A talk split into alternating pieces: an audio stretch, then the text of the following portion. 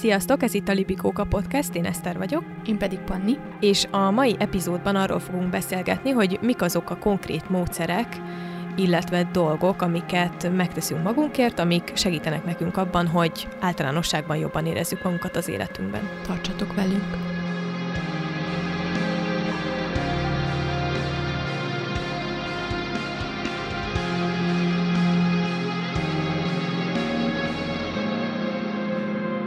Már az előző epizódban beszéltünk arról, illetve én említettem, hogy számomra az öngondoskodásnak az a legfontosabb formája, hogyha alábbhagyjuk a magammal szemben támasztott elvárásokból. Ezzel kapcsolatban azon gondolkoztam, hogy például amikor, amikor Izlandon éltem, és ott ez jobban működött, hogy így kedvesebb tudtam lenni ő magammal, akkor például úgy általánosságban az élettel kapcsolatos elvárásaimból is alább tudtam hagyni, és úgy valahogy jobban el tudtam hinni azt, vagy úgy jobban bele tudtam élni magam abba, hogy minden okkal történik, és minden úgy jó, ahogy van, és hogy fontos, hogy az embernek legyenek álmai, meg céljai, de hogy nem kell ezekhez görcsösen ragaszkodni, mert egyébként, hogyha te mindig arra koncentrálsz, és ahhoz ragaszkodsz, amit szeretnél, akkor lehet, hogy elmennek melletted olyan dolgok, amikre egyébként nagyobb szükséged lenne de hogy nem veszed észre őket, azért, mert, mert így, így nagyon rá vagy állva valamire. Éppen ezért így azon gondolkoztam, hogy, hogy számomra az öngondoskodás, vagy a magammal szembeni kedvesség olyan tevékenységekben nyilvánul meg a legjobban, amik segítenek a szorongásaimat elengedni egy pillanatra. És csak úgy megélni dolgokat, vagy hagyni a gondolataimnak, hogy úgy szabadon áramoljanak, anélkül, hogy ítélkeznék magam fölött. És hogy szerintem ez, ez itt nagyon fontos az önmagunkkal szembeni kedvesség kapcsán, hogy, hogy az ítélkezést azt elengedjük. És ennek kapcsán egy nagyon hétköznapi példa jutott eszembe, ami a sminkelés. Én szeretek sminkelni, de amikor itthonról dolgozok, akkor nem szoktam.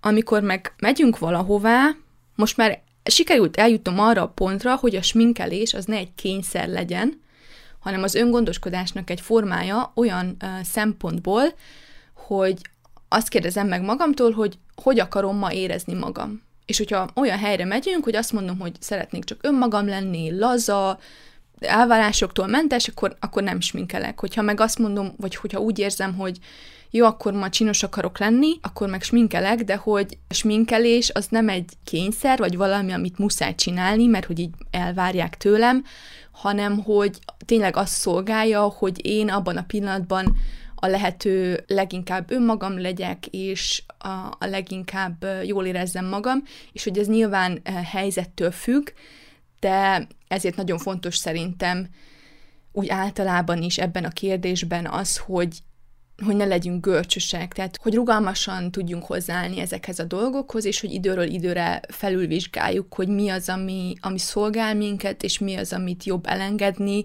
mi az, amit csak azért csinálunk, mert úgy gondoljuk, hogy úgy kell, vagy mások úgy várják el tőlünk, és hogy melyek azok a dolgok, amiket tényleg valóban önmagunkért teszünk. Hát ha már egy ilyen szépségápolási dologgal indítottál, akkor én is az, abba fogok most becsatlakozni, ugyanis nekem a hajmosás egy ilyen dolog. Egy kicsit más irányból megközelítve, de én azt tettem észre, hogy tudom, hogy az előző részben már megvolt a véleményem a habfürdőzésről, mint öngondoskodás, de azért azt uh, szerintem az előző részben is hangsúlyoztam, de azért itt is hangsúlyozom, hogy van azért egy csomó olyan dolog, amit az ember, hogyha megtesz magáért, akkor azért tud segíteni magán. Tehát nálam ilyen a hajmosás, azt vettem észre, hogy ha nagyon-nagyon nincs jó napom, vagy nincs jó kedvem, vagy nem érzem motiváltnak magam, akkor amit mindig megcsinálok, az az, hogy megmosom a hajamat, és valahogy azáltal, hogy benézek utána a tükörbe, és a hajam legalább ápoltan néz ki, attól valahogy általánosságban jobb szokott lenni a közérzetem is. Ez szerintem tipikusan amúgy olyan dolog, meg egy kicsit a sminkelés is olyan dolog, amit magának az ember így ki tud kísérletezni, uh-huh. meg ki tud tapasztalni, hogy mi az, ami neki hasonló hatású dolog lehet, és ugyanilyen nekem az, hogy felöltözöm, és nem köntösben ülök egész nap, mondjuk munkanap. Aha. Úgyhogy szerintem ebbe az egész öngondoskodás kérdésben azért is olyan nehéz téma ez, hogyha az ember egy kicsit mélyebbre akar menni, mert hogy igen, vannak ezek az olyan dolgok, amiket belülről kell rendbe rakni, és ami hosszabb idő, mert bármilyen érzelmi munka, vagy akár csak saját magunk megismerése, az igazából egy ilyen élethosszig tartó folyamat, de közben mégis van egy csomó olyan dolog, ami, amit kívülről meg tudunk tenni saját magunkért, és és igenis van valamennyi hatása. Itt most nyilván nem az a cél, tehát nem traumákat nem fogunk tudni feloldani hajmosással, de azon tudunk segíteni, hogy éppen aznap mitől érezzük magunkat jobban, és én mostanában nekem az öngondoskodásnak az egyik formája, amit még így januárban írtam fel magamnak, kb. ilyen útmutatóként, amit szeretnék az évben követni, hogy minden nap tegyek magamért valamit, tegyek valami olyat, ami jól esik. És vannak olyan napok, amikor ez csak annyi, hogy hajat mostam, de ezáltal már úgymond tettem magamért valamit. Uh-huh. Meg egyébként én is gondolkoztam ezzel, hogy így, így a habfürdővel így sokat élsz előttünk, de én például imádok fürdeni, mert hogy az egy olyan óra az életemben, ami csak az enyém. És volt például olyan, hogy én fürödtem, és a párommal a nappaliban nagyon hangosan hallgatta a zenét, és ettől annyira ideges lettem, mert hogy azt éreztem, hogy ez most az én időm, és hagyjanak békén.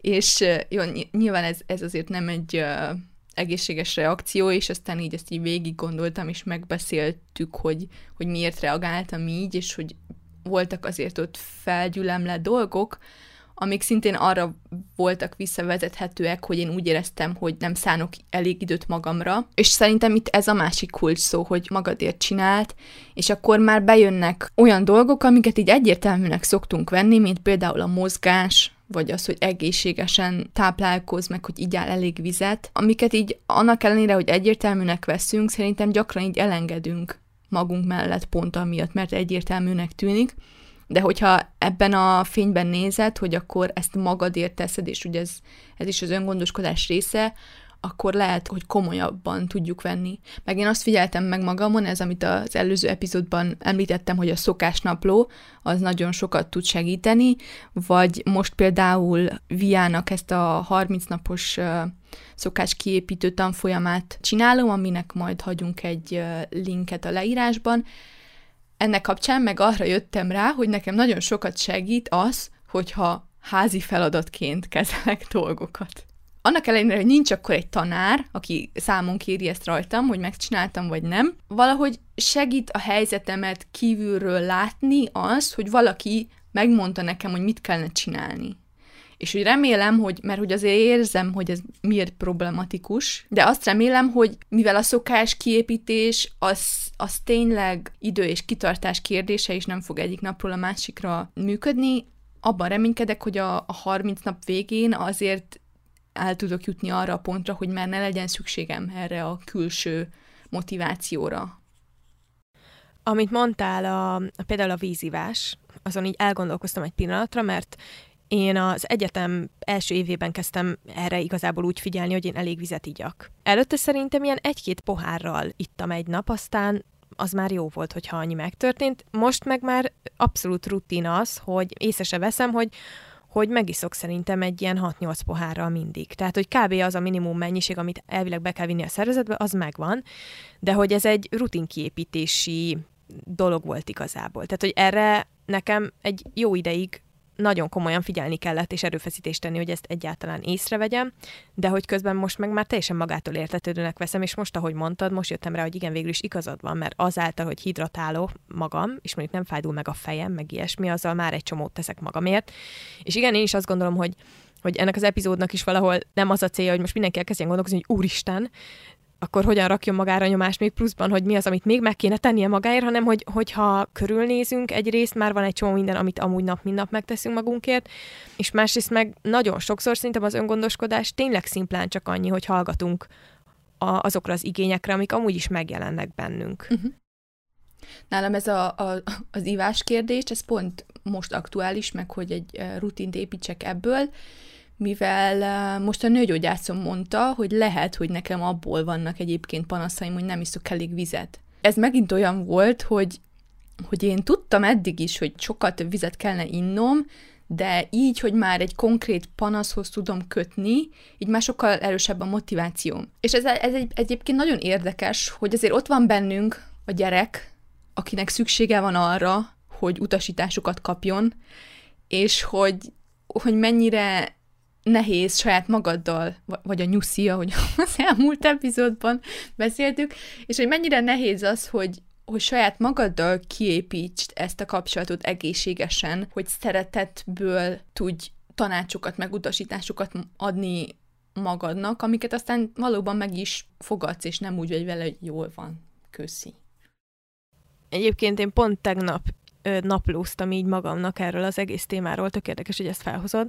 Aztán, hogyha majd nyilvánosságra kerül az epizód, akkor lehet, hogy meg is osztom a saját oldalamon a gondolataimat ezzel kapcsolatban, hogy, hogy az öngondoskodással miért várom én meg mindig azt, hogy az utolsó utáni pillanat legyen.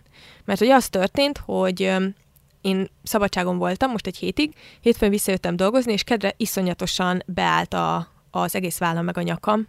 Gyakorlatilag annyira, hogy reggel felébredtem, és elfordítottam a nyakamat, és, és így úgy maradt. és nagyon érdekes volt ezt végigkövetni, szerdára alakult ki ez az állapot, hogy én már hétfőn éreztem, hogy iszonyúan, tehát a, a, éreztem, hogy a stressz az, ami éppen így, uh-huh. így be, betokozódik oda, és aztán a kedden ez még rosszabb lett, és hogy a fejembe volt, hogy oké, okay, ilyenkor én jogázni szoktam, a, van a Yoga with Adrian YouTube csatorna, és az az érdekes, hogyha bármi bajom van, tehát akár migrén, akár lábfájás, fejfájás, akármi, akkor arra van neki célzott videója, és itt is szerda reggel akkor azzal kezdtem, hogy jó, akkor megcsináltam egy ilyen lazító gyakorlatot, és azóta teljesen elmúlt ez az egész.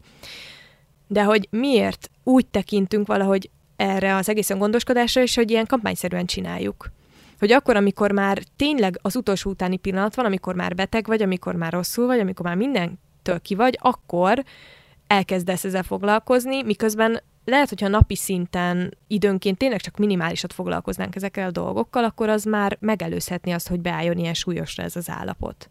Ez most arra visszacsatolásként mondom, amit mondasz a feladatokról, hogy én is arra jutottam, hogy oké, okay, problematikus, de hogyha egyszerűen nincsen más lehetőség jelenleg ebben az egész öngondoskodási rutin kiépítésben, mint az, hogy én ezt felírom magamnak a tudulistára, akkor ezt fogom tenni. Igen, ez, ez érdekes, hogy ezt a, a jogát hozott fel, mert ezzel én is pontosan így vagyok, és pont most írok egy blogbejegyzést erről, ami, amikor ez az epizód kimegy, már kint lesz, amiben arról beszéltem, hogy, és akkor itt visszakapcsolok ahhoz, hogy ebben is szerintem az elvárásokkal van a probléma. A joga kapcsán is szerintem bennünk van az, ami lehet, hogy a social médiából is jön, meg a YouTube videókból, meg abból, hogy hogyan kellene kinézni egy joga póznak, hogy ha nem tudom tökéletesen csinálni, akkor nem is csinálom.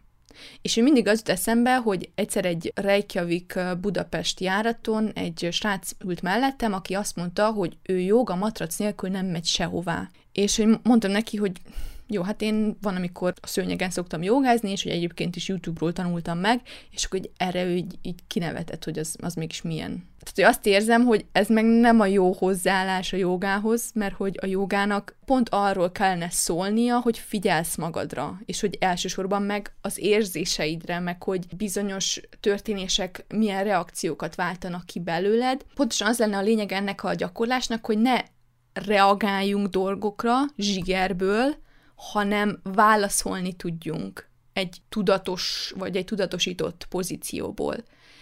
És hogy a joga például erre szerintem nagyon jó, de hogyha meg folyamatosan nyomást teszünk magunkra, amiatt, hogy úristen, nem úgy csinálom, ahogy XY az Instagramon, és hogy én soha nem fogok úgy kinézni ebben a pozícióban, vagy ebben az ászanában, akkor meg, akkor meg elmegy a kedved az egésztől, és akkor meg még egy napot halogatod, és még egy napot halogatod, és hogyha már két napot kihagytál, akkor meg tudjuk, hogy utána meg már nagyon nehéz visszakapcsolni abba a szokásba.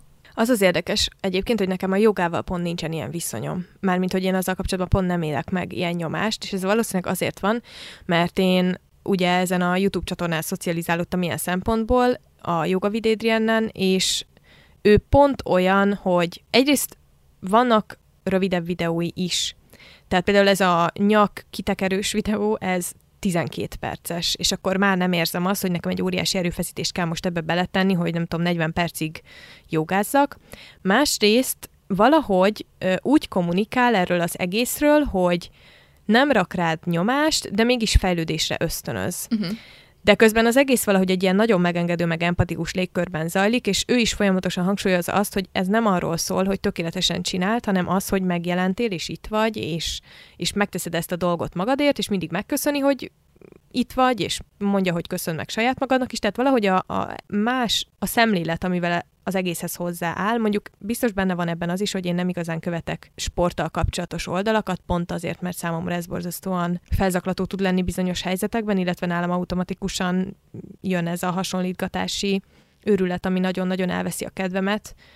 Meg én most már évek óta nem azért sportolok, hogy hogy nézek ki, hanem a mentális egészségem miatt. Illetve a másik érdekesség a, a, az Adrianes videóknál, hogy a lelki részéről is csomószor beszél. És akkor nagyon érdekes volt tegnap ez a nyakbeállás, hogy csak egy mondatot mondott ezzel kapcsolatban, hogy neki az egyik mester azt szokta mondani, hogy ha a nyakad beáll, akkor nem látod valamilyen helyzetnek mindkét oldalát. Uh-huh. És az volt az érdekes, hogy ezzel valahogy nálam így benyomott valamit, elgondolkoztam rajta, és kilazult a nyakam. Uh-huh. Tehát, hogy ez a, ugye a test meg a, a léleknek az összekapcsolódása ilyen szempontból számomra már többször is tetten érhető volt, amikor jogáztam, és éppen ezért én, én egyszerűen nem vagyok hajlandó beengedni semmilyen olyan hangot, ami ezzel kapcsolatban nyomást akar rám helyezni. Én még azzal sem nagyon sokszor szoktam törődni, hogyha kimarad egy-két hét, mert tudom, hogy, hogy úgyis vissza fogok térni rá, és, és ez végső soron jobb, mint hogyha állandóan csesztetném magam, hogy miért nem mozgok éppen. Egyébként én is az ő videóiból tanultam meg jogázni, és legtöbbször azokra gyakorlok, és értem, meg érzem, amit mondasz, hogy ő azért így empátiával uh, közelít. Igen, empátiával közelít a gyakorláshoz. Mégis érzem azt, hogy amikor, amikor mentálisan nem vagyok toppon, és tudom, hogy az azért muszáj gyakorolnom, mert nálam meg az van, hogyha ha hosszabb idő kimarad, akkor meg a hátam áll be annyira, hogy Aha. nem tudok az ágyból napokig felkelni. Emiatt muszáj valahogy rávennem magam, viszont azokon a napokon, amikor egyébként lelkileg nem vagyok jól, nem tudok videókra jogázni, hanem akkor uh-huh. előveszem a kis matracomat, és a saját ritmusomban csinálom a gyakorlatokat. De hogy, hogy bennem, akkor is bennem van az, hogy ha látom a videót, hogy nekem úgy kellene csinálni, és hogy nem biztos, uh-huh. hogy mondjuk pont ugyanannyira ki tudom nyújtani a lábamat, vagy pont nem tudom, akkor a terpezben tudok állni, és hogy ez, ez megint egy nagyon nehéz, nehéz kérdés, hogy, hogy magaddal ne legyél annyira kritikus. Viszont ez szerintem egy tök jó szempont magával az öngondoskodással kapcsolatban is, hogy vannak olyan tevékenységek, amik abszolút skálázhatóak. És hogyha éppen úgy érzed, hogy mentálisan nem vagy annyira a toppon, hogy most te videókra jogázzál, akkor ettől függetlenül kikurítod azt a szőnyeget, és megcsinálod saját magadnak a gyakorlatokat. Uh-huh. És ez végső soron számít ugyanannyit, mert a lényeg az, hogy megcsináltad annak ellenére, hogy éppen nem voltál nagyon jól, és tudod, hogy hosszú távon ennek több lesz a haszna. Hát igen, ez, ez nem egy egyszerű dolog, de ugye erről is beszélgettünk, hogy, hogy az öngondoskodásban ez is a nehéz, hogy sokszor úgy is rá kell vennünk magunkat, úgymond dolgokra, amikről tudjuk, hogy jót tesznek nekünk, hogy éppen baromira nincsen hozzá kedvünk feltétlenül. Igen, meg, meg ezért nehéz ez, mert amikor már nagyon a gödör alján vagy, akkor, akkor meg minden óriási erőfeszítésnek tűnik. Például a gyaloglással van ez, hogy azt szokták mondani, hogy tízezer lépést kell megtenni egy nap, az az egészséges, és hogy a tízezer lépés azért nagyon sok. Tehát, hogyha neked te ezt tűzöd ki célul magadnak, minden nap tízezer lépés, akkor lehet, hogy vannak olyan napok, amikor már százat sincs kedved megtenni, meg min- mert minek csinálják meg százat, hogyha ha tízezer úgysem fog összejönni. Tehát itt most igazából arról beszélgetünk, amikor én leülök jogázni, és a 20 perces gyakorlatból az első 5 percet megcsinálom, és aztán az egészet ott hagyom. Csak az a fontos ilyenkor, hogy ez ne egy ilyen kudarc élmény legyen, hanem legyen valahogy átfordítva, és legyen inkább azon a hangsúly, hogy de attól függetlenül én itt voltam, uh-huh. és megpróbáltam, és megcsináltam belőle 5 percet, vagy van olyan, amikor csak a légzésre tudok odafigyelni, és nem tudok semmilyen gyakorlatot megcsinálni, már az is több, mint ha nem tettem volna magamért semmit aznap, és szerintem ez a legfontosabb bármilyen tevékenységben, amit magunkért teszünk, hogy az ne a bűntudattal, meg a, az önostorozással, meg a maximalizmussal legyen így összefüggésbe hozva a fejünkbe, amit lehet tudatosan változtatni sok szempontból. Uh-huh. Hát igen, meg a kicsi az mindig több, mint a semmi. Igen. Én például a meditációval vagyok így. Én évekig próbáltam, vagy amikor már eldöntöttem, hogy oké, okay, ez így jól hangzik, meg ez lehet, hogy így jó lenne gyakorolni, akkor próbáltam többször megtanulni úgymond a meditációt, és soha nem tudtam ebben kitartó lenni, tehát hogy mindig feladtam néhány nap után, vagy néhány próbálkozás után, és aztán meg szembe jött Emily Fletchernek a Stressless Accomplish More könyve, ami sajnos magyarul nincs meg, de hogyha értitek az angolt, akkor azt nagyon ajánlom, mert ő például abban arról beszél, hogy az, ahogy a szerzetesek meditálnak, az a nyugati társadalomba egyszerűen nem beépíthető, mert hogy nem olyan az életritmusunk, nem úgy élünk, és hogy ezt nem azt kellene jelentenie, hogy akkor csak úgy lehet csinálni, és az szent és sérthetetlen, és akkor ha úgy nem tudom, akkor egyáltalán nem csinálom. És pont emiatt ő meg kidolgozott egy olyan technikát, ami a napi kétszer 17 percet szállj erre, tehát, hogy az az ideális, hogyha meg tudod csinálni mind a kettőt, hogyha nem, akkor, akkor legalább reggel. És hogy az, az meg úgy néz ki, hogy az első két perc az ilyen mindfulness gyakorlat, hogy megfigyeled a, a környezetedet, a hangokat, a, az illatokat, az érzéseket, utána kb. 13 perc a, maga a meditáció, amikor egy mantrát ismételgetsz magadban, de hogy közben meg nem az a cél, hogy kiüresítsd az agyadat, mert hogy az megint egy olyan elvárás, ami a mindennapi ember számára megvalósíthatatlan, hanem hogy csak hagyd a gondolataidat áramlani ítélkezés nélkül. És az utolsó két perc az meg a, a manifestáció, amikor olyan dolgokat vizualizálsz, amiket szeretnéd, hogy megtörténjenek. Ez a gyakorlat nekem nagyon, nagyon tetszett, és hogy ez olyasmi, amit, amit be tudtam építeni probléma nélkül az életembe, és hogy nagyon se- sokat segít a mentális egészségemnek. Most már mm, gyakorlatilag az elmúlt két évben nagyon kevés olyan nap volt, amikor kihagytam volna a reggelit. A reggeli az, amit, amit úgy mindig megcsinálok. Érzem magamon annak a, a jótékony hatását, amikor mondjuk a délután is összejön, de hogy vannak olyan napok, amikor a 17 percből mondjuk 10 jön össze, mert közben annyira a munkán kattog az agyam, hogy azt érzem, hogy jó, ennek nincs értelme, mert dolgozik bennem a tetvágy, és akkor most más valamit kell csinálnom, de már maga az, hogy nem tudom, elrendezem a, a párnát az ágyon, és akkor törökülésben ülök 5 percet, segít abban, hogy ezt a szokást fenntartsam. És hogy ez, ez nagyon fontos, az, hogy ne, tehát hogy a szokásainkhoz ne ilyen bunkosbot találjunk hozzá, hogy ha nem csinál tökéletesen, akkor agyonverlek, hanem hogy, hogy megengedően és, és rugalmasan és empátiával. A meditációval nekem egy kicsit kettős a viszonyom, mert az a helyzet, hogy én nagyon sokfélét kipróbáltam már, és elég sokáig szenvedtem amiatt, hogy én is csak egy típusról hallottam. És aztán rájöttem, hogy amúgy van ennek más módja is, de nekem például ezek az ilyen testpásztázós gyakorlatok, ezek kifejezetten nem mennek. Tehát, hogy én ettől így fizikailag rosszul vagyok.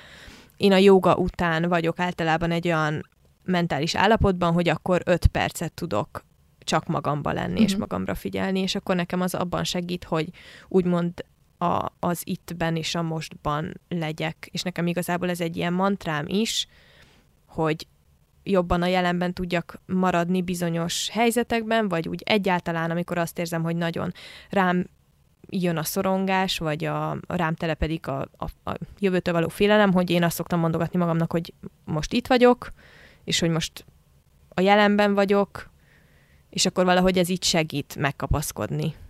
Úgyhogy igazából egy kicsit irigyellek ebben a meditációs dologban, de a Netflixen van a Headspace alkalmazás fejlesztőjének, ami egy ilyen meditációs alkalmazás, egy sorozata, ami meditációval kapcsolatos, és most fog kijönni majd a, az Aludj jól, vagy Sleep második sorozat is, ami kifejezetten az alvásban fog segíteni, és azt például tökre várom, és az úgy van felépítve, hogy a, azt hiszem, hogy 20 perces mindegyik rész, és az első 10 percben a meditációnak a jótékony hatásairól van szó, és a második 10 perc pedig egy ilyen irányított vezetett meditáció, és az például nekem nagyon tetszik, hogy ez egy ilyen nagyon megengedő módszer, tehát nem arra megy rá, hogy hogy üresíts ki az agyadat, meg nem tudom, hanem, hanem azt a szemléletet közvetíti, hogy te egy autópálya mellett ülsz gyakorlatilag, és a gondolataid azok az autók, és hogy csak hagyni kell őket így elmenni, és ez utána így segít az életnek más területeim is amúgy. Így visszaköszön ez, amikor azt érzem, hogy oké, okay, most túlpörög az agyam.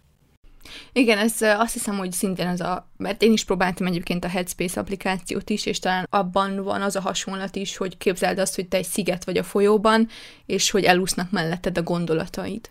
Igen. Ami, ami igen. szintén segíthet. Én például, én megszoktam időről időre változtatni a mantrát, amit meditáció közben használok, annak függvényében, hogy minek érzem szükségét, és most például, most például azt a mantrát szoktam használni, hogy, hogy szeretem magam Uh-huh. és a, az utóbbi időben próbáltam néhányszor például azt a gyakorlatot is, amit Editéva Éger uh, ír uh, a könyvében, ez, hogy, hogy ez a, azt hiszem, hogy ilyen kifordított gyakorlatnak hívja, hogy képzeld azt, hogy bemászol a testedbe, és hogy Igen. akkor így szeretettel meg Igen. érinted az összes szervedet, és hogy ezt próbáltam néhányszor, és hogy az például egy nagyon, nagyon furcsa érzés de hogy úgy érzem, hogy segíthet abban, ami, amiről beszéltünk, hogy, hogy ezt a ezt a belső gyereket, vagy ezt a, ezt a belső nyuszit, ezt így szeretettel, meg, meg empátiával tud uh, fenntartani. És egyébként maga ez a fenntartás kifejezés is nagyon érdekes, hogyha belegondolsz. Tehát, hogy az, hogy, hogy magadat fenntartani, az gyakorlatilag azt is jelenti, amit beszéltünk, hogy akkor egészségesen étkezel és mozogsz, de hogy az is, hogy, hogy a lelkiekre figyelsz. Egyébként az önszeretettel kapcsolatban most így mindenki egy pillanatra álljon meg, és próbálja saját magának azt mondani, hogy én szeretem magam. És úgy igazán érezze át, hogy, hogy ezt így komolyan gondolja. Mert hogy nekem az a benyomásom, meg az a tapasztalatom, hogy iszonyú nehéz ezt uh-huh. mondani saját magunknak. És úgy is gondolni. És hogy így nagyon nem is, tehát hogy sokkal könnyebben és többször szidjuk saját magunkat, akár úgy, hogy nem is vesszük már észre, meg sokkal közebben, könnyebben tesszük belsővé, internalizáljuk azokat az üzeneteket, amik arról szólnak, hogy mi nem vagyunk szerethetők, mint azokat, amik arról szólnak, hogy szerethetőek vagyunk, uh-huh. és szerintem az öngondoskodással, ezért ez nagyon szorosan összefügg, mert amikor én azt a következtetést vonom le, vagy abban a, a tudatban élek, hogy én nem érdemlek meg dolgokat, én nem érdemlem meg a pihenést, vagy nem érdemlem meg, hogy egyek, vagy nem érdemlem meg, hogy aludjak, vagy hogy jól érezzem magam, az szerintem valahol visszavezethető az önszeretettel kapcsolatos problémákhoz. Uh-huh. És most ezt nem feltétlenül van értelme kinyitni, mert szerintem erről lehet csinálni egy külön epizódot, mert azért az elég tág, meg hosszú lenne most belemenni, de amikor elkezdünk így az öngondoskodással foglalkozni a saját életünkbe egy kicsit fókuszáltan, akkor szerintem az rá tud világítani egy csomó olyan dologra, ami lehet, hogy addig nem volt tudatos. Uh-huh. Igen, meg ezért mondtam azt, hogy, hogy én én azt vettem észre magamon, vagy úgy most azt érzem, hogy, hogy az öngondoskodás arra is szolgál nálam, hogy a szorongásaimat el tudjam engedni, és hogy ezért jó például a habfürdő is, vagy az, amikor olvasok, vagy az, hogyha sétálok egyet, csak hogy itt kell egy nagyfokú tudatosság ahhoz is, hogy érezd a különbséget a között, hogy hagyod a gondolataidat áramlani, és ítélkezésmentesen viszonyulsz hozzájuk, és csak így átengedsz magadon dolgokat, ami szerintem nagyon sokat segít a szorongással való küzdésben, ahhoz képest, hogy kikapcsolod az agyad. Mert például, amikor meg szerintem sorozatot néz az ember egész nap, bár tudom, hogy van, amikor arra is szükségünk van, az viszont pont a másik véglet, amikor meg nem hagyod, hogy a saját gondolataid érvényesüljenek, hanem így letompítod őket Igen. külső benyomásokkal, vagy külső történésekkel. Szerintem ugyanez a kategória telefonnyomkodás. Uh-huh. Nekem nagyon őszintének kellett lennem magamhoz, akkor, amikor ahelyett, hogy azt hajtogattam volna tovább, hogy nekem mondjuk nincsen időm reggel 10 perc jogára, vagy nincsen időm így magamra egyáltalán, akkor szembenézek azzal, hogy igazából mennyi időt töltök el a telefonom teljesen felesleges pörgetésével.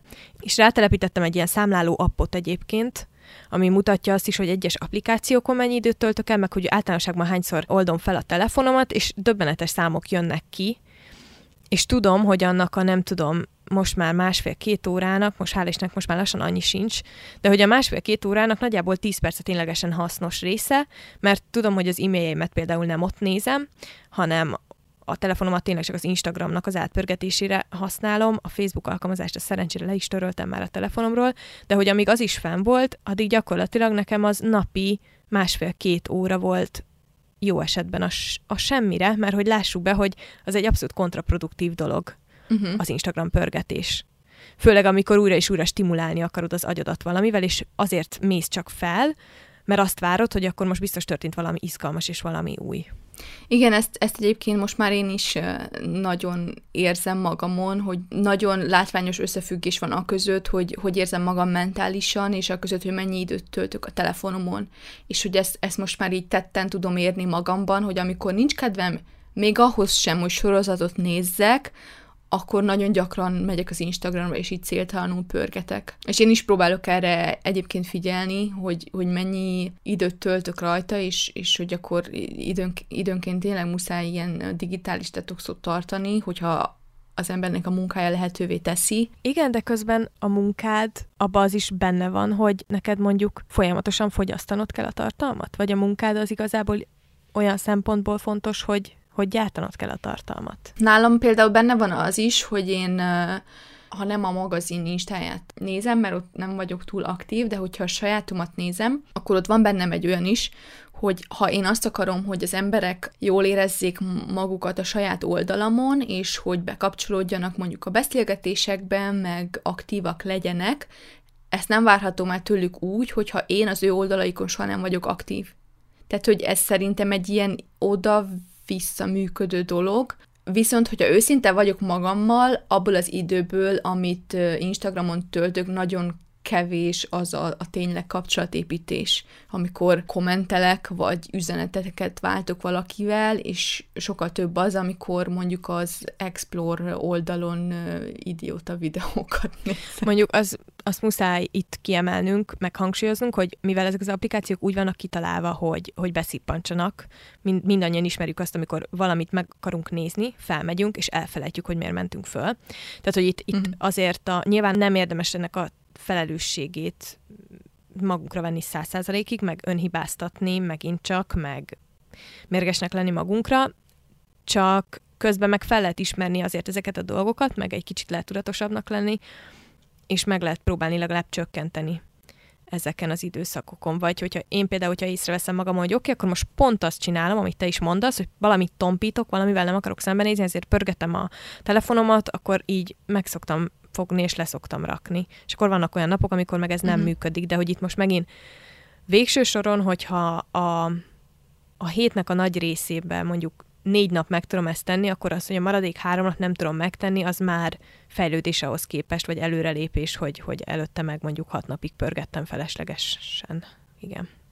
Igen, itt, itt fontos szerintem az, amiről még beszéltünk, hogy, hogy az öngondoskodáshoz is úgy kellene egészségesen hozzáállni, ahogy az önfejlesztéshez, hogy te magadhoz képest hozzál pozitív változásokat, uh-huh. vagy, vagy egészséges szokásokat, és hogy ne egy ilyen külső cél lebegjen a szemed előtt, ami lehet, hogy a te életkörülményeidben soha nem lesz megvalósítható, és hogy emiatt csak gyakorlatilag mindig frusztrált leszel nagyon fontos az, hogy, hogy őszinték legyünk magunkkal, ami, amiről az elmúlt epizódban is beszéltünk, és hogy ehhez meg elengedhetetlen az, hogy te hagyd a gondolataidat érvényesülni, és hogy ne tompítsd le őket. Ezt a telefon témát egyébként azért hoztam be, mert én ezt egy ilyen öngondoskodási dolognak tartom a saját szempontomból, hogy, hogy sokkal, sokkal, sokkal kevesebb tartalmat fogyasztok, és amit fogyasztok, úgymond azt is én szabom meg, hogy kinek a tartalmát és hogyan és milyen formában szeretném befogadni, és ezáltal egyébként felszabadulnak azok a 10-20 percek, amiket viszont tudok másra fordítani. Ettől függetlenül még mindig van olyan sajnos, hogy reggel az az első dolgom, hogy átpörgetem az Instát, és akkor érzem is, hogy teljesen máshogy indul már a napom. Megint szerintem fontos az egyensúlykeresés, meg hogy akkor ne az legyen, hogy átmegyünk a másik végletbe, és akkor egy buborékban élünk, Igen. amiben nem tudjuk, hogy mi történik körülöttünk, és hogy mindig csak olyan emberekkel beszélünk, akik visszaigazolják azt, amit már amúgy is gondolunk, amit, amit mondtál, hogy a szándékosság szándékosságot érdemes behozni, hogy ezzel a tevékenységgel nekem mi a célom, mit ad az életemhez ma, most mit ad az életemhez, hogyha a következő egy hétben minden nap megcsinálom, mit fog adni egy hónap múlva, mert hogy ugyanúgy, ahogy a, az öt perc joga több, mint a, mint a semmi, vagy jobb, mint az az egy óra, amit nem csinálsz meg, ugyanígy a csak 10 percet instázok is azért összegyűl a hétvégére. Persze. Persze. Csak szerintem az meg nem egy reális elvárás, hogy főleg úgy, hogy most aztán meg pláne minden áttevődött ugye az online világba, uh-huh még annál is jobban, mint, mint a koronavírus előtti időszakban, hogy akkor mindenki csatlakozzon, letegye le, és soha többet rá se nézzem, mert hogy nyilvánvalóan ez meg nem fog megvalósulni. Tehát itt megint csak, amit mondasz, az egyensúly, hogy akkor, ha perspektívába helyezzük a dolgokat, akkor hogyha a szokásos másfél óra helyett csak 10 percet instáztam aznap, akkor az már jobb. És uh-huh. akkor nyilván egy ponton túl már lehet onnan is lejjebb menni adott esetben, és nekem is vannak olyan időszakok, mikor napok eltelnek anélkül, hogy instáznék, de ezt nem mindenki tudja megtenni, és nem is minden esetben tudom én sem megtenni. Hát igen, meg én például nagyon sok barátommal ott tartom gyakorlatilag a kapcsolatot. Én is. És hogy ez igen, ez így e, ebben a, a mostani szituációban nagyon nehéz. Csak hogy közben meg azért azon is érdemes elgondolkozni, hogy azok valóban uh, értékes együttléteke. Hát nem akartam most ezt ide feltétlenül behozni, de egy mondatban szerintem simán beszélhetünk róla, mert hogy az öngondoskodáshoz mindenképpen az én meglátásaim szerint szorosan beletartozik a határhúzás, amiről majd a következő epizódban fogunk beszélgetni, illetve a következő epizódok valamelyikében. Mert hogy én azon mostában nagyon sokat gondolkozom, hogy ez az általános elvárás, hogyha valakinek írunk, és ő egyből válaszoljon, ez azért régen egyáltalán nem volt így. Eleve, hogyha egy levelet feladtak, akkor az két-három hét volt, míg megérkezett.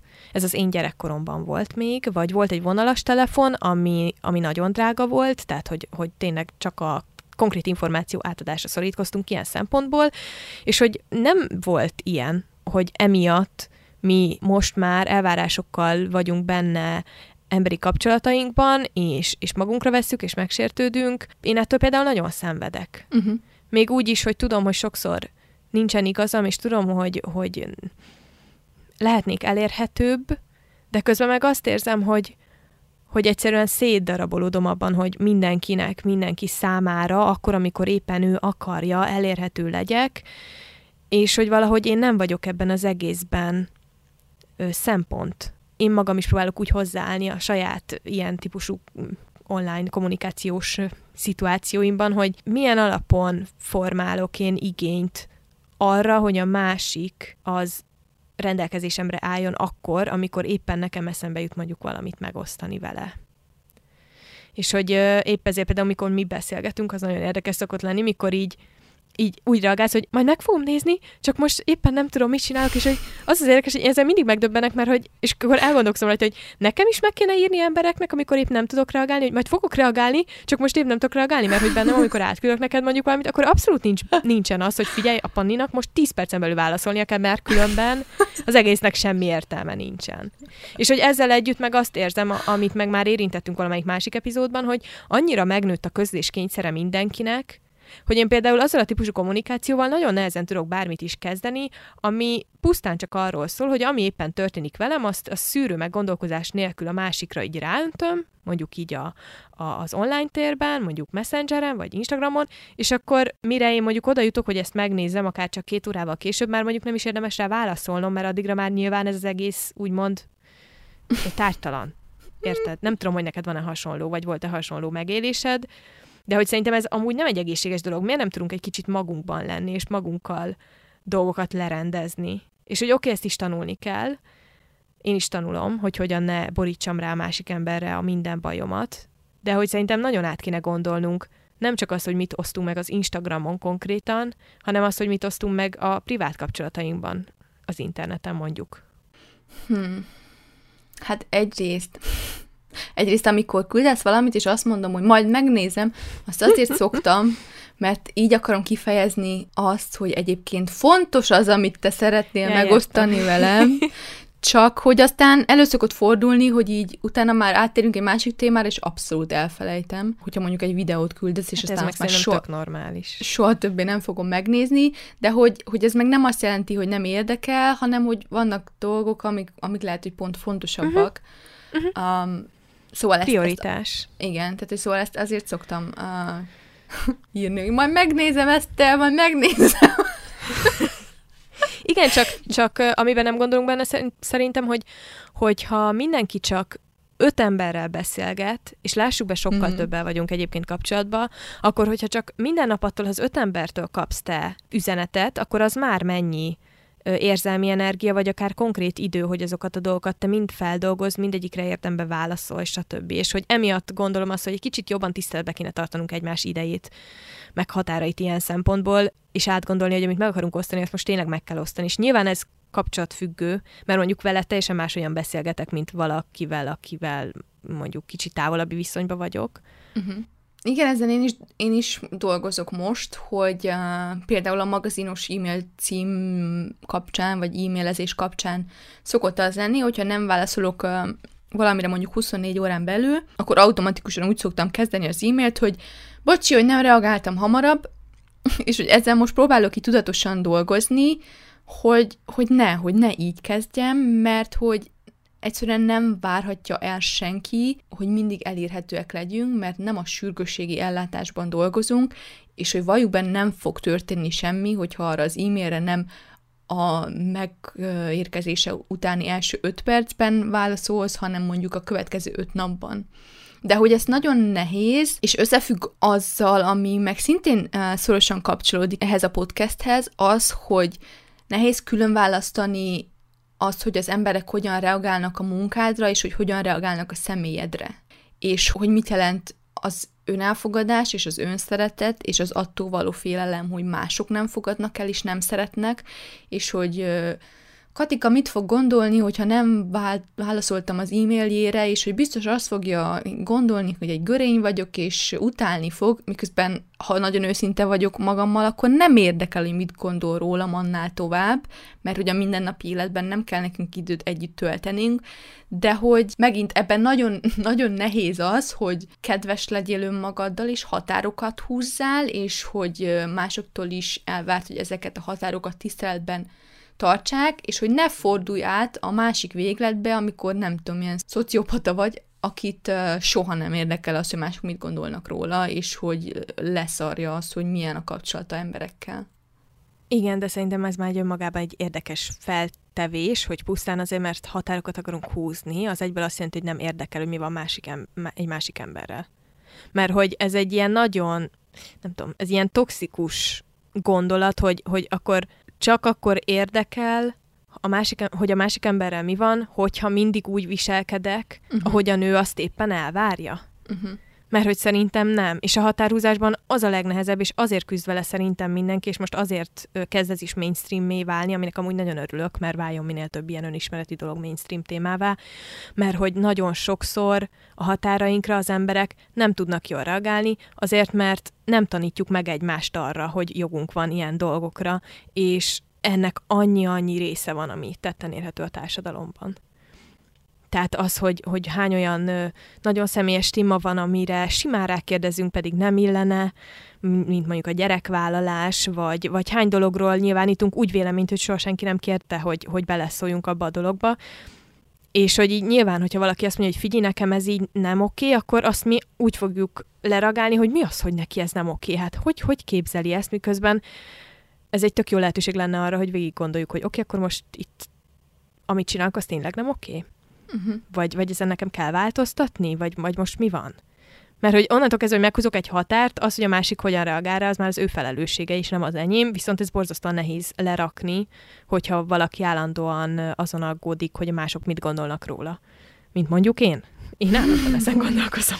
Igen, az jutott eszemben közben, hogy, hogy például bennem az van, hogy én azt szeretném, hogy mások tiszteletben tartsák a határaimat, meg az időmet, de azzal, hogyha ők vették a, a fáradtságot és írtak nekem, és én nem válaszolok rá, az nem pont azt jelenti el, hogy én meg az ő idejüket nem tartom tiszteletben, de mm, igen, ez, ez összefügg azzal, amit mondasz, hogy, hogy feltételekhez kötünk mindent, és hogy akkor azt, tehát hogy azt gondoljuk, hogy nekünk valamilyennek kell lennünk ahhoz, hogy elfogadjanak minket, és hogy ezt így akkor rávetítjük másokra.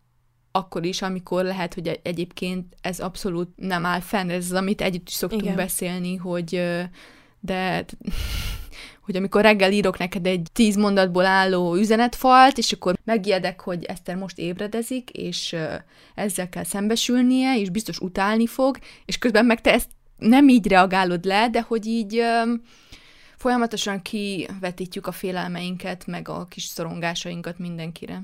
És hogy ezért fontos az öngondoskodás, hogy ezeken a szorongásokon dolgozzunk, mert hogyha nem, hogyha ha engedjük, hogy ezek irányítsák az életünket, azon meg rányomják a, a bélyegüket a mindennapjainkra, a munkánkra, a kapcsolatainkra, mindenre. Ahogy mondtuk, a, a határhúzásról majd fogunk beszélgetni tágabban, mert egyébként erről nekem annyi gondolatom támad hirtelen, akár csak mint tartalomgyártó, uh-huh. de hogy hogy rákapcsolódjak erre egyébként így a mai témánkkal, ami nekem már egy kicsit ilyen absztrakt formája az öngondoskodásnak, de szerintem ide számít, vagy, vagy ide lehet kötni, az a, a perspektíva, meg a perspektíva váltás, és ennek az ész, észben tartása.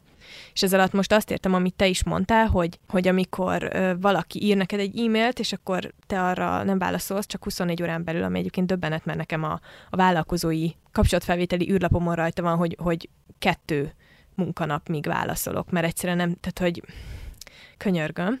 Szóval, hogy én ilyenkor mindig arra gondolok, hogy uh, mikor elindulok ezen, hogy úristen, akkor most a, nem tudom, kicsoda mérges lesz vajon, meg nem tudom, tehát elindul ez a spirál, hogy ez számítani fog-e mától számítva egy hét múlva, egy hónap múlva, egy év múlva, öt év múlva, egyáltalán emlékezni fogok erre tíz év múlva.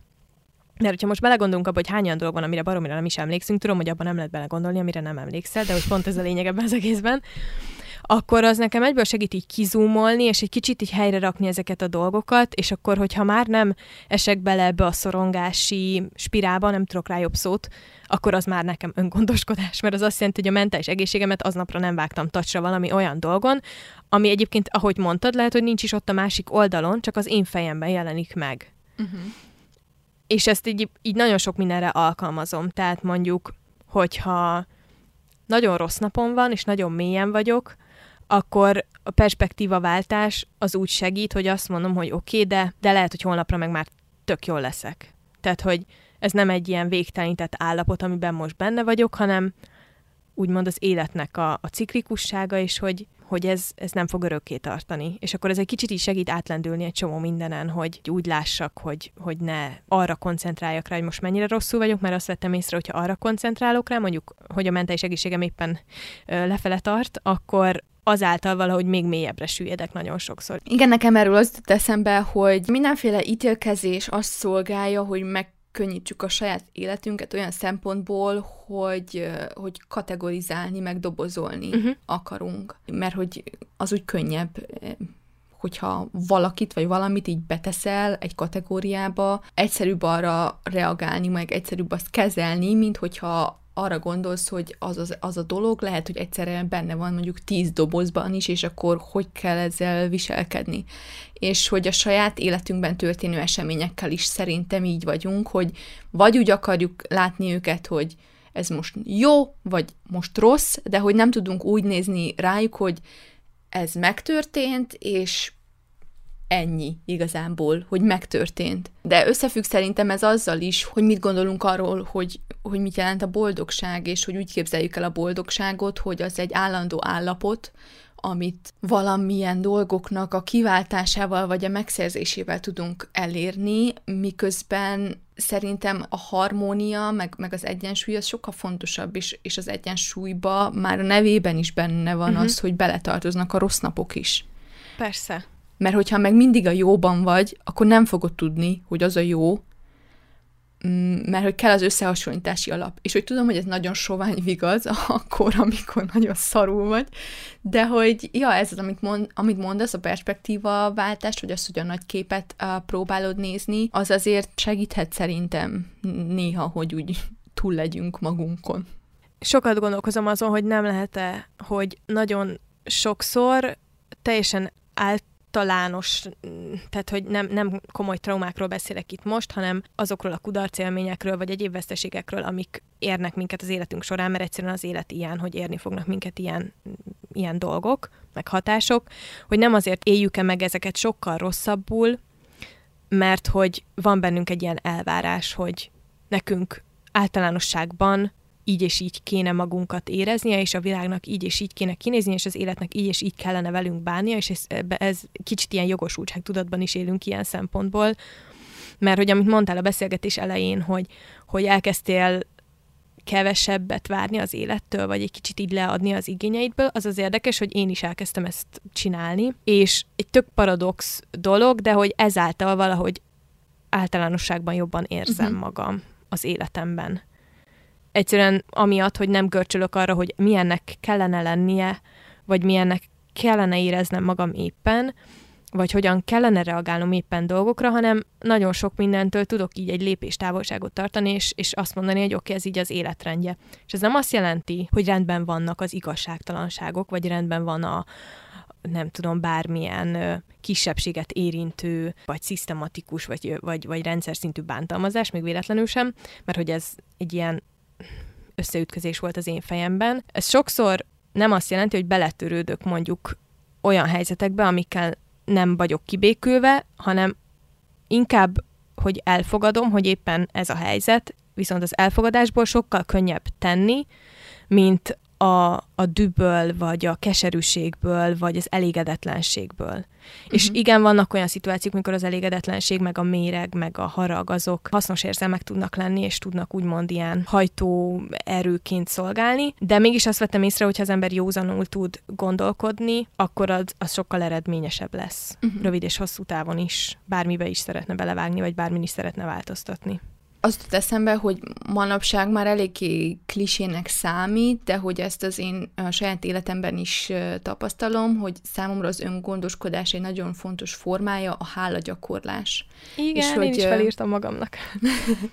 és hogy ez amikor a, amikor a meditációról beszéltem, akkor ezt elfelejtettem, hogy a meditáció végén, a manifestációs gyakorlat előtt az van, vagy úgy az az ajánlás, hogy akkor számba vedd azokat a dolgokat, amik, amiket hálás vagy. Ez nagyon, nagyon érdekes, főleg akkor, amikor először kezdi el csinálni ezt az ember, és főleg amikor, amikor rosszul érzed magad, akkor van, hogy nehéz olyan dolgokat találni, amiket hálás tudsz lenni, de hogy az, hogy ezen így tudatosan elgondolkodsz, az már nagyon sokat tud számítani.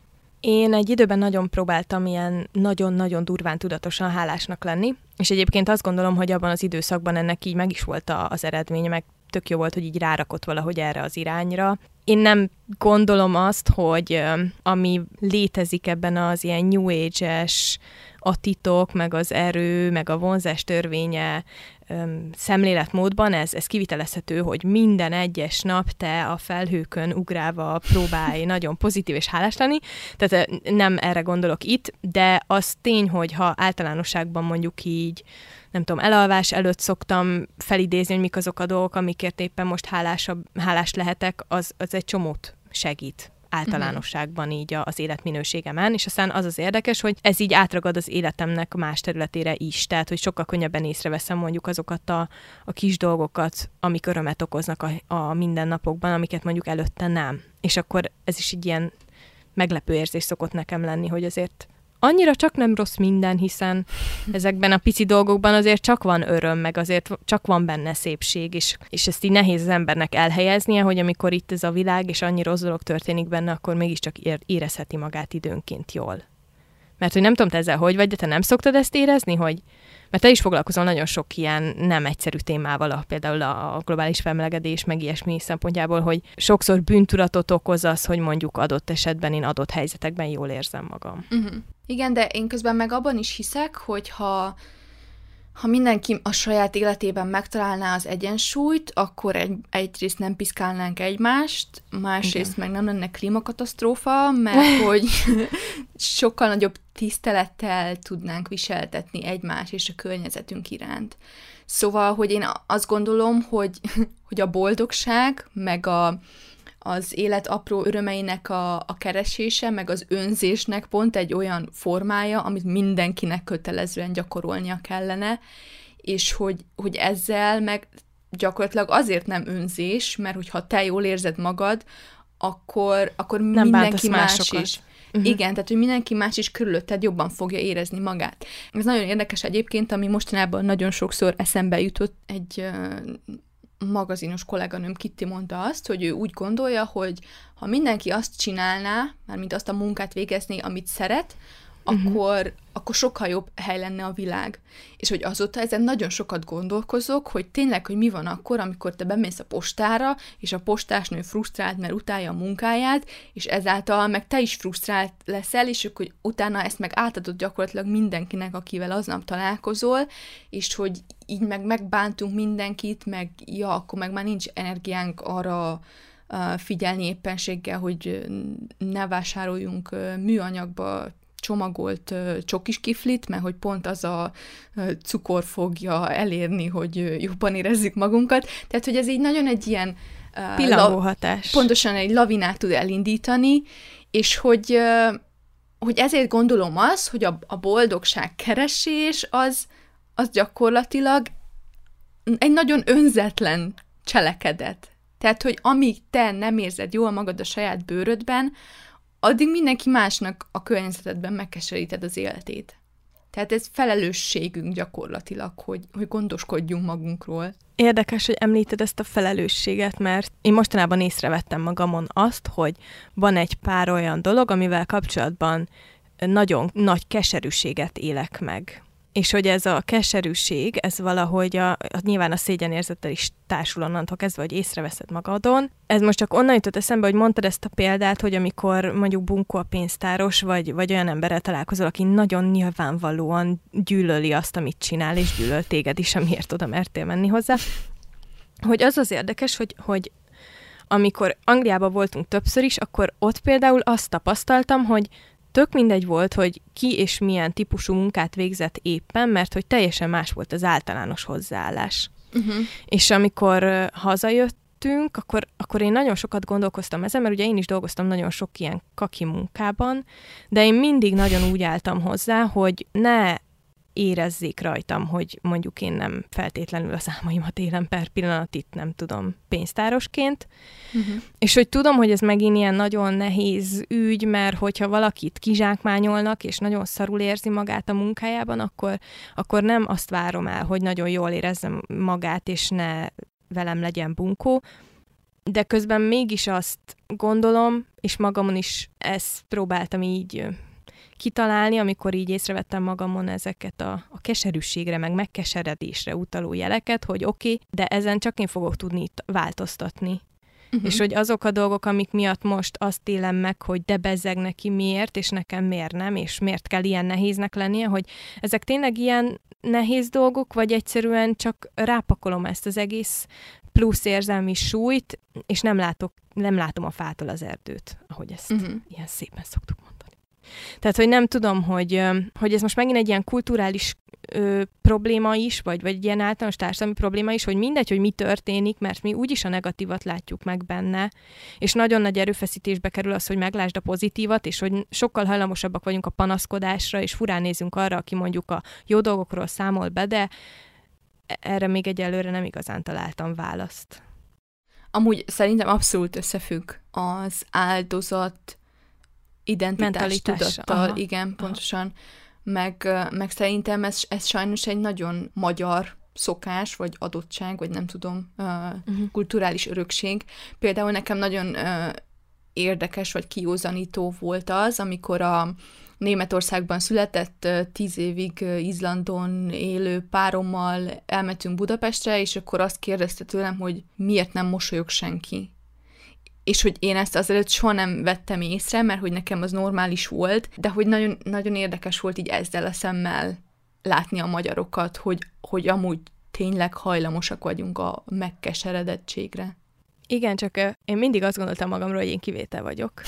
és nagyon, nagyon kemény, amikor így szembe találkozol azzal, hogy, hogy nem vagy kivétel, hogy lehet, hogy nagyon sok mindenben már máshogyan csinálod a dolgokat, de de azért nagyon könnyű, könnyen bele lehet esni ilyenekbe, nyilván azért, mert hogyha itt szocializálódsz, meg itt nősz fel, akkor ez egy ilyen alap lesz, és nekem meg a, szintén a férjem az, aki meg nagyon máshogy áll a dolgokhoz, és, és akkor én meg tőle igyekszem mindig ebben tanulni. De hát igen, ez, ez, ez az áldozatmentalitás, meg az áldozat hozzáállás, ez, ez megint csak egy ilyen sikamlós téma. Mm. Igen, de szerintem azzal, Jó, jó úton haladsz, Eszter, jó úton haladsz. Tehát én már csak azzal, hogy most már így a második podcast epizódban beszélünk az öngondoskodásról, szerintem ez már azt jelenti, hogy a jó úton haladunk. Mert hogy gondolj bele, hogy például a szüleink generációjában ez nem volt téma, hogy akkor mi, uh-huh. mi az, hogy öngondoskodás, mert hogy, hogy akkor ott az volt, hogy nem baj, ha szenvedsz, csináld a dolgod.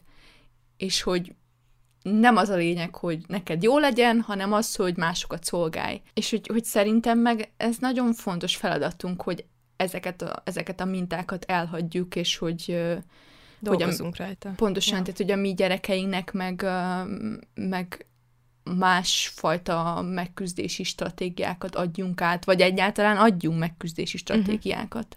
Uh-huh. Néha igen, abszurdnak tűnik, meg nevetségesnek, hogy mondjuk egy világjárvány közepén ilyenekről beszélünk, hogy akkor kell habfürdőt venni, vagy nem kell habfürdőt venni, vagy mossam-e meg a hajam. Um, közben meg, meg én úgy gondolom, hogy ezek igenis nagyon fontos kérdések, és hogy, hogy mi vagyunk az a generáció, akiknek ez feladata, hogy, hogy erről erről beszéljünk, ezen, ezen dolgozzunk, és hogy, hogy amit mondtam, hogy, hogy az, az önszeretet, az, az önzetlenség gyakorlatilag. Csak hogy ezt meg nagyon nehéz internalizálni, és nagyon nehéz így látni magad, és ekköré szokásokat építeni, mást tanítottak nekünk. Igen, ezzel abszolút egyetértek.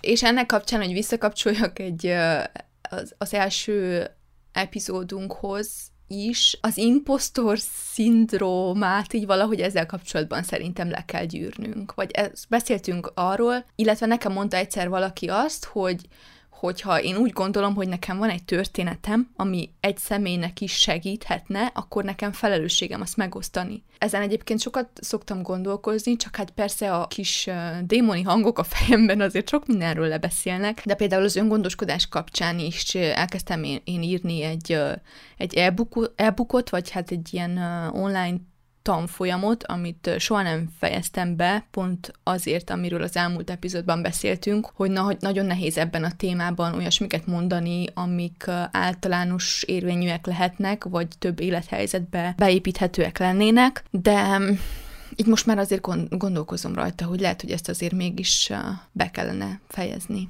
Mert Abszolút lehet, hogy, egyetértek. Lehet, hogy valakinek tényleg szüksége lenne rá, Igen. hogy segíthetne. Jól van, akkor ezt így felírom magamnak házi feladatként. Nyugodtan megírhatjátok nekünk egyébként, hogyha úgy érzitek, hogy szükségetek lenne erre, hogy bátorítsuk Pannit egy kicsit. Szerintem kimerítettük ezt a témát legalábbis egyelőre, így nem uh-huh. tudom hány perces lesz az epizód, meg az előzővel együtt de hogyha ezzel kapcsolatban van bármilyen meglátásatok, akkor mindig szívesen várjuk az e-mailünkre, meg az Instagram oldalunkra is. Mindig van az adott epizóddal kapcsolatban legalább két poszt, ami kimegy, ami alá lehet nekünk kommentelni, megírhatok privát üzenetet is, DM-et, és hogyha olyan helyen hallgatok minket egyébként, podcast lejátszóban, ahol lehet minket értékelni, akkor légy tegyétek meg, meg kövessetek minket, vagy amit éppen lehet ott csinálni. És nagyon köszönjük az eddigi üzeneteket, mert hogy szerintem ez mindkettőnknek egy, egy picit megdöbbentő volt, hogy, hogy milyen uh, pozitív um, fogadtatásban részesült a mi kis eszmefuttatásunk, meg az, hogy, hogy tényleg többen mondtátok már, hogy közvetlen hatása van az életetekre, ami eléggé ijesztő. Igen, elég nagy nyomást is sikerült ezzel magunkra pakolni, de majd, majd belejövünk ebbe is szerintem, hogy ezt lerakjuk magunkra. Igen, de hogy, hogy tényleg nagyon-nagyon sokat jelent. Illetve a következő epizódban, ahogy már említettük, a határhúzás témáját próbáljuk meg egy picit körbejárni majd, és ezzel kapcsolatban arra gondoltam, aminek az ötlete egyébként a már említett 30 napos szokás kiépítős tanfolyamból jött, hogy tennék egy olyan kísérletet, így a, a home office-ban, hogy elkülönítem a munkaruhát a, a játszós ruhától, vagy az itthoni ruhától, és azt szeretném megpróbálni, hogy amikor elkezdek dolgozni, leülök a számítógép elé, az nálam általában délelőtt 11 óra körül szokott megtörténni, hogy akkor felveszem az úgymond aznapi munkaruhámat, ami mondjuk nem a, a legkinyúltabb pulcsim, hanem egy, egy annál szebb pulóver lesz, és hogy amikor meg már vacsorához készülődünk, akkor, akkor leveszem azt a ruhát, és átöltözök az otthoniba, és hogy ezt szeretném majd most megpróbálni a, a következő epizód felvételéig, és hogyha van kedvetek, akkor ti is csatlakozzatok ehhez, és írjátok majd meg nekünk, hogy mit vett, mik voltak a tapasztalataitok ezzel kapcsolatban. Igen, az Instagramon ezért is érdemes minket követni, mert majd kitalálunk ennek valami jó kis hashtaget, és akkor majd be lehet minket tegelni ezzel kapcsolatban. És addig is vigyázzatok magatokra, és két hét múlva találkozunk. Így van, sziasztok!